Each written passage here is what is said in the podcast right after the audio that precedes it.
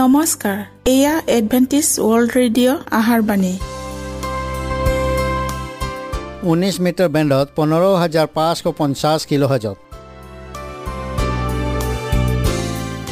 Adventist world radio যোগে অসমীয়া ভাষাত প্ৰচাৰিত আহাৰবাণী প্ৰত্যেক বুধবাৰ আৰু দেওবাৰ সন্ধিয়া সাত বজাত আহাৰবাণী শুনাৰ পিছত আপোনালোকৰ কিবা মন্তব্য আৰু প্ৰশ্ন থাকিলে আমালৈ এই ঠিকনাত লিখক। আমাৰ ঠিকনাটি হৈছে Adventist world radio' seven day Adventist মণ্ডলী অসম শাখা লতাকাটা বশিষ্ট গুৱাহাটী সাত আঠ এক শূন্য দুই ন।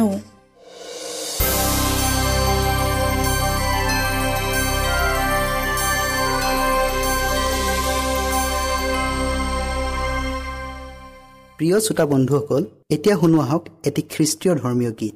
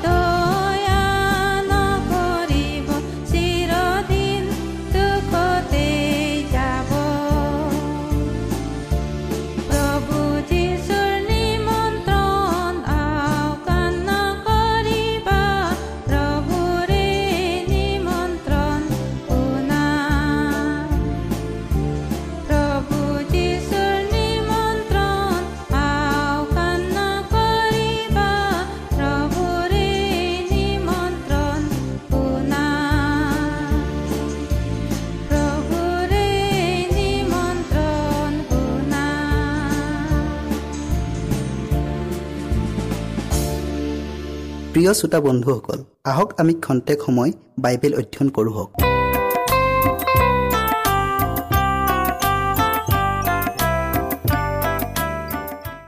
আজি আমি মানৱৰ প্ৰতি ঈশ্বৰৰ প্ৰেম ইয়াৰ বিষয়ে অধ্যয়ন কৰোঁ হওক। বাইবেল পতি লোৱা হৈছে গীতমালা এশ পঞ্চল্লিছৰ পোন্ধৰ আৰু ষোল্ল পদ। সকলো চকুৱে তেওঁলৈ অপেক্ষা কৰে। তুমিয়েই যিবিলাকক উচিত সময় আহাৰ দিওঁতা তুমি তোমাৰ হাত মেলি সমুদায় প্ৰাণীৰে বাঞ্ছা পূৰ্ণ কৰি থাকা। বিষয়টিৰ আগবঢ়োৱাৰ আগত আমি প্ৰাৰ্থনা কৰোঁ হওক। সেই সৰ্বশক্তিমান প্ৰভু পুনৰাই এই সময় আমাক দিলা ইয়াৰ বাবে তোমাক ধন্যবাদ দিলোঁ। প্ৰভু আমি মানৱৰ প্ৰতি ঈশ্বৰৰ প্ৰেমৰ বিষয়ে অধ্যয়ন কৰিবলৈ আগবঢ়াইছোঁ।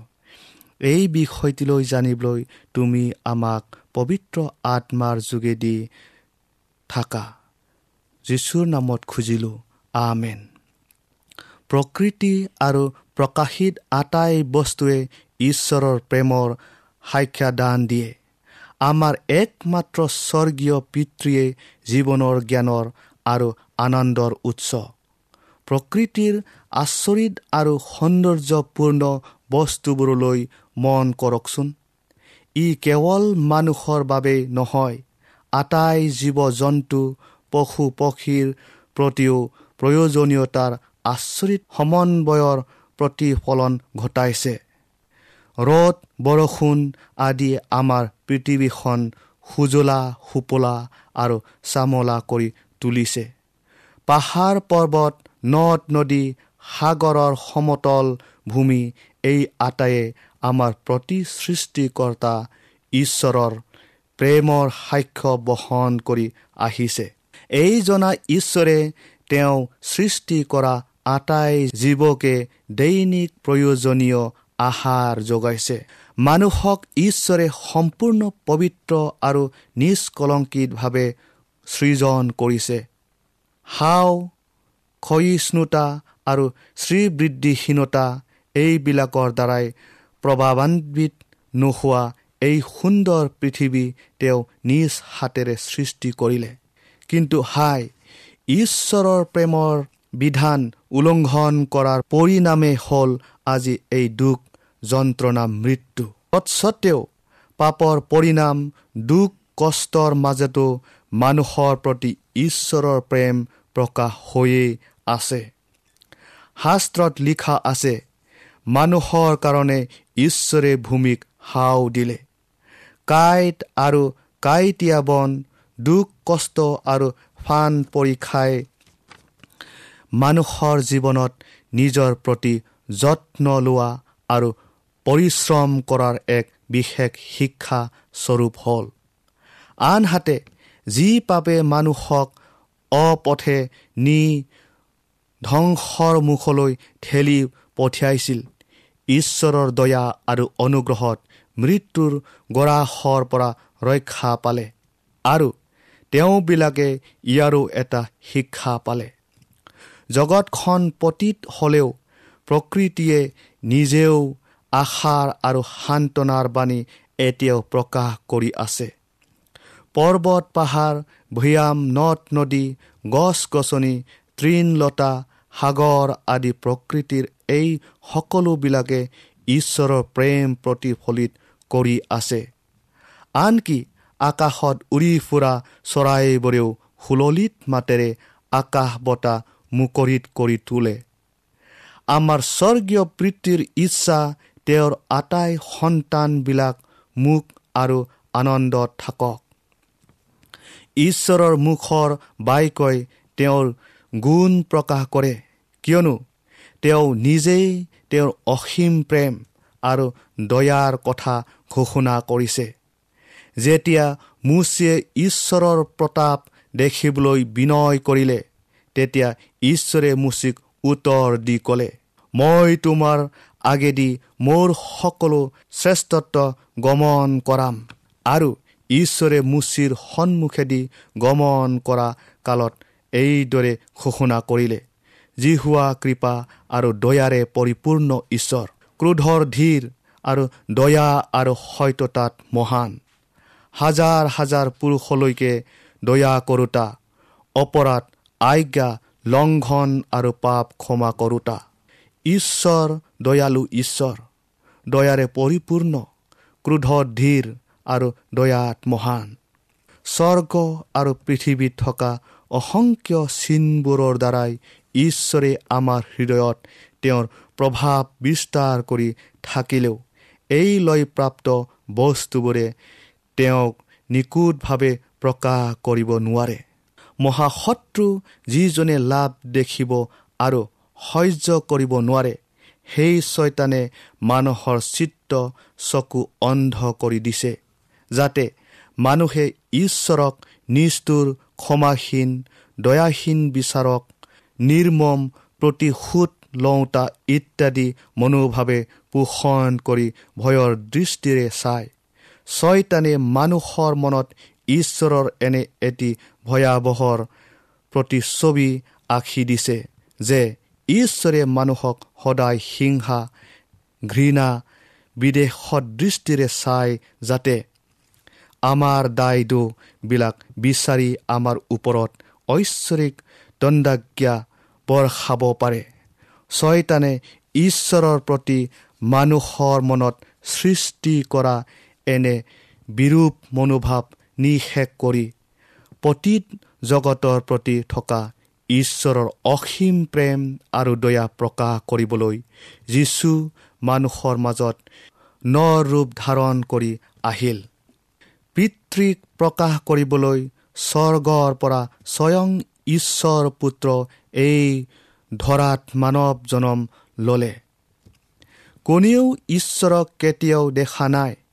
পিতৃৰ কোলাত থকা একমাত্ৰ পুত্ৰই তেওঁক প্ৰকাশ কৰিলে। পুত্ৰৰ বাহিৰে আৰু পুত্ৰই যিকোনোৰ আগত তেওঁ প্ৰকাশ কৰিবলৈ ইচ্ছা কৰে। তেওঁৰ বাহিৰে কোনেও পিতৃৰ নাজানে। যেতিয়া শিষ্যবিলাকৰ মাজত এজনে সুধিলে পিতৃক আমাক দেখুৱাওক। তেতিয়া যীশুৱে ক'লে হে ফিলিপ মই তোমালোকৰ লগত ইমান দিন থকাটো তুমি মোক চিনা নাইনে? যিজনে মোক দেখিলে তেওঁ মোৰ পিতৃকেও দেখিলে। তেন্তে পিতৃক দেখুৱাওক বুলি কেনেকৈ কৈছা? যীশুৱে তেওঁৰ জাগতিক পৰিচৰ্যাৰ প্ৰতি ব্যাখ্যা কৰি কৈছিল দৰিদ্ৰবিলাকৰ আগত সুবাৰ্তা প্ৰচাৰ কৰিবলৈ তেওঁ মোক অভিষিক্ত কৰিলে।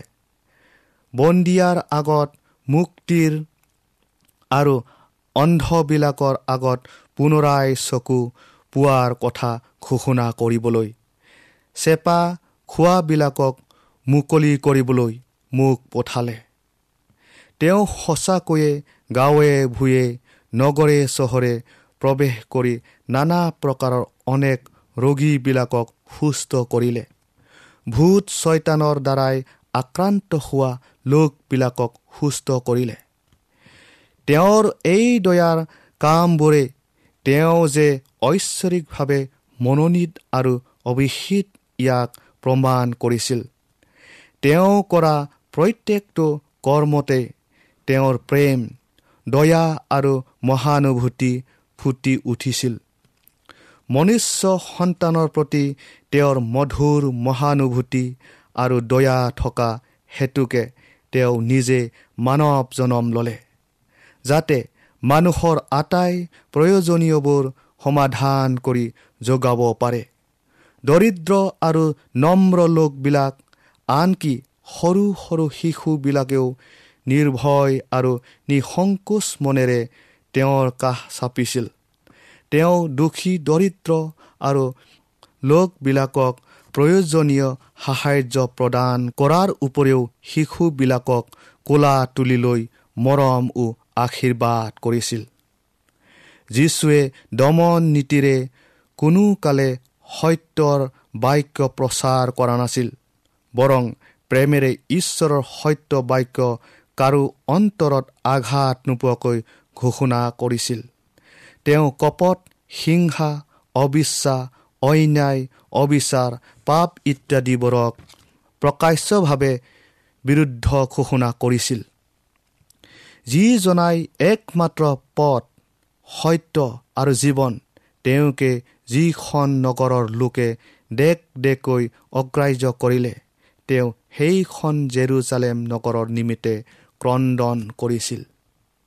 যীশু আটাই মানৱ জাতিৰ একমাত্ৰ উদ্ধাৰকৰ্তা বা মুক্তিদাতা বুলি জানিও সিবিলাকে তেওঁ গ্ৰহণ নকৰিলে। তথাপিও তেওঁ সিবিলাকক প্ৰতি দয়া আৰু প্ৰেম প্ৰদৰ্শন নকৰাকৈ থকা নাছিল। কাৰণ তেওঁ নিস্বাৰ্থ মানৱ সেৱাৰ কাৰণেহে এই জগতলৈ আহিছিল। যিহেতু ধনী বা দুখীয়া উচ্চ বা নিচ স্বজাতি বা পৰজাতি আটাই ব্যক্তিয়েই তেওঁৰ দৃষ্টিত মূল্যৱান আটাই পতীত মানুহক উদ্ধাৰ কৰাই তেওঁৰ পৰিচৰ্যাৰ মূল উদ্দেশ্য আছিল। এয়ে আছিল কৃষ্টৰ যোগেদি মানৱ জাতিলৈ ঈশ্বৰৰ প্ৰেম। প্ৰকৃতাৰ্থত ক'বলৈ গ'লে কৃষ্টই স্বয়ং ঈশ্বৰ তেওঁক মাংসত প্ৰকাশ কৰা হ'ল। প্ৰিয় শ্ৰোতা বন্ধুসকল আমাক পাপৰ পৰা উদ্ধাৰ কৰিবৰ অৰ্থে তেওঁ এই জগতলৈ আহিল। আমাৰ পাপৰ কাৰণে তেওঁ যন্ত্ৰণা ভোগ কৰি মৃত্যু বৰণ কৰিলে। পাপৰ পংকিলতাত ডুব গৈ থকা অন্ধকাৰময় জগতখন উদ্ধাৰ কৰিবৰ অৰ্থে অনুগ্ৰহ দয়া আৰু প্ৰেমেৰে পৰিপূৰ্ণ এনে এখন বৰ্ণনানীত গৌৰৱময় ৰাজ্যৰ পৰা ঈশ্বৰে তেওঁৰ একমাত্ৰ অদ্বিতীয় পুত্ৰক পঠালে। তেওঁ মৰ্ত্যলৈ আহি আমাৰ নিমিত্তে নানা কষ্ট ভুগিলে। অপমানিত হ'ল আৰু অৱশেষত তেওঁ মৃত্যুদণ্ডেৰে দণ্ডিত কৰাও হ'ল। শাস্ত্ৰত কৈছে কিন্তু আমাৰ অধৰ্মবোৰৰ নিমিত্তে তেওঁ কোচা হ'ল। আমাৰ অপৰাধবোৰৰ নিমিত্তে গুৰি কৰা হ'ল। আমাৰ শান্তিজনক শাস্তি তেওঁৰ ওপৰত পৰিল আৰু তেওঁৰ গাত বহা কোবৰ সাজবোৰৰ দ্বাৰাই আমি সুস্থ হ'লোঁ। নিৰ্জন কালবাৰী ক্ৰুচত ওপৰত ওলমি থকা যীচুলৈ চাওক। ঈশ্বৰৰ নিজ কলংকিত পুত্ৰই আমাৰ আটাইৰে পাপৰ ভাৰ বলে। যিজন ঈশ্বৰৰ সৈতে একেলগে আছিল কিন্তু পাপে ঈশ্বৰৰ আৰু মানুহৰ মাজত এক ভয়াৱহ পৃথকতাৰ সৃষ্টি কৰাত সেয়ে তেওঁ অসহ্যকৰ যন্ত্ৰণাত বৰ মাতেৰে ৰিঙিয়াই কৈছিল হে মোৰ ঈশ্বৰ হে মোৰ ঈশ্বৰ কিয় মোক পৰিত্যাগ কৰিলা? এয়াই আছিল ভয়ংকৰ অপৰাধৰ ভাৰ যিহে ঈশ্বৰৰ পৰা পৃথক কৰিলে। দুখ আৰু বেজাৰত তেওঁৰ অন্তৰ চূৰ্ণ বিচূৰ্ণ হ'ল। প্ৰিয় শ্ৰোতা বন্ধুসকল কিন্তু এই মহান আত্মা বলিদান ঈশ্বৰে মানুহৰ প্ৰতি প্ৰেম আৰু দয়াৰ ভাৱ জগাবৰ কাৰণেহে নহয়। কাৰণ ঈশ্বৰে জগতক ইমান প্ৰেম কৰিলে যে তেওঁ নিজৰ একমাত্ৰ পুত্ৰকে দান কৰিলে। এই মহান প্ৰায়শ্চিতৰ কাৰণে ঈশ্বৰে আমাক প্ৰেম কৰিলে এনে নহয় বৰং তেওঁ আমাক প্ৰেম কৰা হেতুকে এই প্ৰায়শ্চিতৰ উপায় কৰিলে। পতীত জগতখনলৈ ঈশ্বৰৰ প্ৰেমৰ সোঁত বোৱাবলৈ একমাত্ৰ যীশুৱে মাধ্যম আছিল। ঈশ্বৰে কৃষ্টত থাকি জগতৰ অপৰাধ নিলিখি তেওঁবিলাকক মিলন কৰি আছিল। স্বয়ং পিতৃ ঈশ্বৰেও তেওঁৰ পুত্ৰৰ সৈতে একে যান্ত্ৰণাৰ সমভাগী হ'ল। গেটচিমণিৰ নিৰ্মম যাতনা আৰু কালবাৰীৰ কুচীয় মৃত্যুৰ অসীম প্ৰেমৰ অধিকাৰী জনাই আমাৰ পাপত প্ৰায়চিত ঋণ পৰিশোধ কৰিলে। প্ৰিয় শ্ৰোতাসকল ঈশ্বৰৰ আজ্ঞা উলংঘনকাৰী হৈ মানুহে ছয়তানৰ অধীন হ'ল।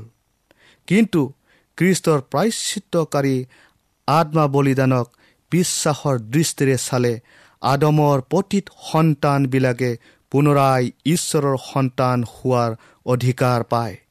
তেওঁ নৰ ৰূপ ধাৰণ কৰি মানুহত উচ্চ স্থান দিলে যেন তেওঁৰ যোগেদি মানুহ পুনৰাই ঈশ্বৰৰ সন্তান নামৰ যোগ্য হয়। এয়া ঈশ্বৰৰ অতুলনীয় প্ৰেম স্বৰ্গীয় ৰজাৰ সন্তান। কেনে অৰ্থপূৰ্ণ প্ৰতিজ্ঞা? এক গভীৰ আধ্যাত্মিক ধ্যানৰ মূল প্ৰসংগ। জগতৰ প্ৰতি অতুলনীয় প্ৰেম থকা ঈশ্বৰক জগতে প্ৰেম কৰিব নাজানিলে। বশীভূত কৰিব পৰা ইচ্ছা শক্তিৰে নিজকে ঈশ্বৰৰ ইচ্ছাত আবদ্ধ কৰি ৰাখিব পাৰোঁ। কিয়নো ক্ৰুচৰ জ্যোতিত আমি যিমানেই ঐশ্বৰিক বিষয়বোৰ অধ্যয়ন কৰোঁ। সিমানেই অধিক দয়া মমতা আৰু ক্ষমতাৰ নিৰপেক্ষতা আৰু ন্যায় বিচাৰ সৈতে কেৱল ওতপ্ৰোত সম্বন্ধ হৈ থকাই নহয় কিন্তু কোনো মাতৃৰ নিজ অবাধ্য সন্তানৰ প্ৰতি থকা স্নেহ সমবেদনাকৈও এক অসীম আৰু নিবিড় প্ৰেমৰ দৃষ্টিগোচৰ হয়। এই শিক্ষাৰ যোগেদি ঈশ্বৰে আপোনালোকক আশীৰ্বাদ কৰক।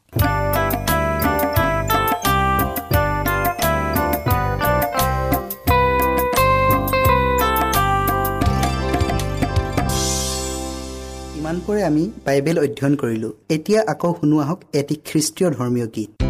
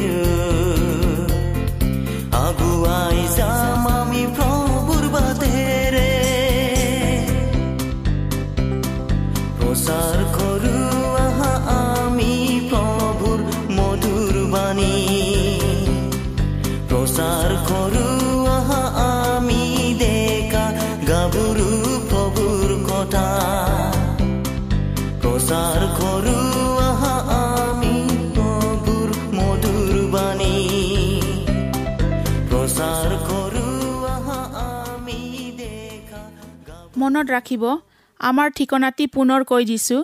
Adventist world radio' Assam region of seven day Adventist voice of hope Latakata Basistha Guwahati seven eight one zero' two nine প্ৰিয় শ্ৰোতা বন্ধুসকল এডভেণ্টিজ ৱৰ্ল্ড ৰেডিঅ' যোগে আহাৰবাণী প্ৰচাৰত আপোনালোকক পুনৰ লগ পোৱাৰ আহাৰে আজিলৈ সামৰিলোঁ। ধন্যবাদ।